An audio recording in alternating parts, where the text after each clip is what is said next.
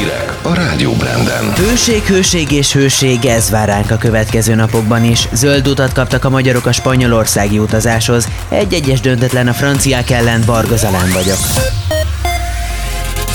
Üdvözlöm Önöket, magyarországi híreinket hallják. Hőségriasztás van érvényben, egyelőre keddé félig tart, de ha kell, meghosszabbítják. A fővárosban hűsítő szigeteket állítottak fel, valamint a már megnyitott 22 ivókút mellé további 12-t üzemelnek be.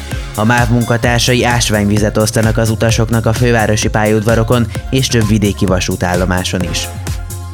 Korlátozások nélkül utazhatnak a magyarok Spanyolországba, zöld listára tette ugyanis a spanyol kormány Magyarországot. Az egészségügyi minisztérium oldalára szombaton feltöltött friss besorolási lista tanúsága szerint a magyar utazók június 21-től korlátozások nélkül beutazhatnak Spanyolországba. A szombaton frissített listához bárki hozzáférhet a Spain Travel Health oldalán keresztül.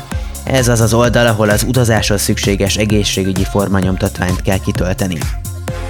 Már szabadon utazhatnak Horvátországba is a magyarok. A határon nem kérnek sem védettségi igazolványt, sem negatív tesztet, csak érvényes úti okmányt. A magyar konzuli szolgálat ugyanakkor arra hívja fel a figyelmet, hogy visszautazáshoz továbbra is szükség van a magyar védettségi igazolványra. Szlovénia viszont ismét védettségi igazoláshoz vagy negatív teszthez köti a beutazást. A hétvégén is folytatódott a koronavírus elleni oltás, főleg a fiatalok kaptak most vakcinát. Továbbra is minden regisztrált tud oltásra időpontot foglalni online. Országosan Pfizer, Sinopharm és korlátozott mennyiségben még Sputnik vakcinára lehet jelentkezni. Eddig csak nem 5,5 millióan kaptak oltást Magyarországon. Vasárnap délelőtt emelték ki a Dunából a Lánchíd közelében talált feltehetően második világháborús robbanó testet.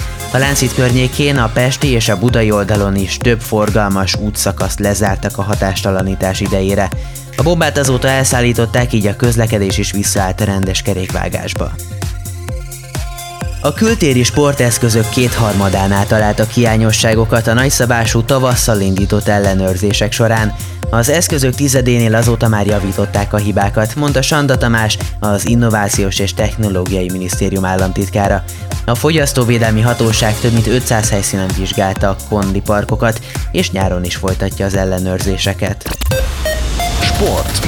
Sporthírek tekintetében a hétvége legfontosabb híre, hogy egy-egyes döntetlent játszott a magyar futballválogatott a világbajnok francia csapat ellen a Puskás arénában, ezzel megszerezte első pontját az EB-n.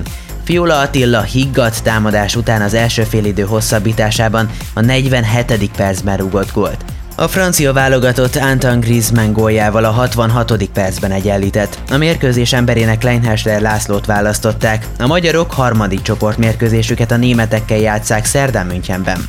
Az F csoport második mérkőzésén Németország-Portugália 4-2, az E csoport szombatesti meccse pedig Spanyolország-Lengyelország 1-1. Ma sok napsütésre számíthatunk, legfeljebb időnként lehet több felhő az égen. Elsősorban az ország észak-keleti felében várható kisebb záporzivatar. A délnyugati szél keleten megerősödhet, zivatarban viharossá fokozódhat. Hajnalban 14-23, délután 32-38 fok várható. A hőség várhatóan csütörtökön tetőzik, akkor 40 fok is lehet. A szerkesztőt Varga Zalánt hallották, köszönöm a figyelmet és vigyázzanak magukra a hőségben.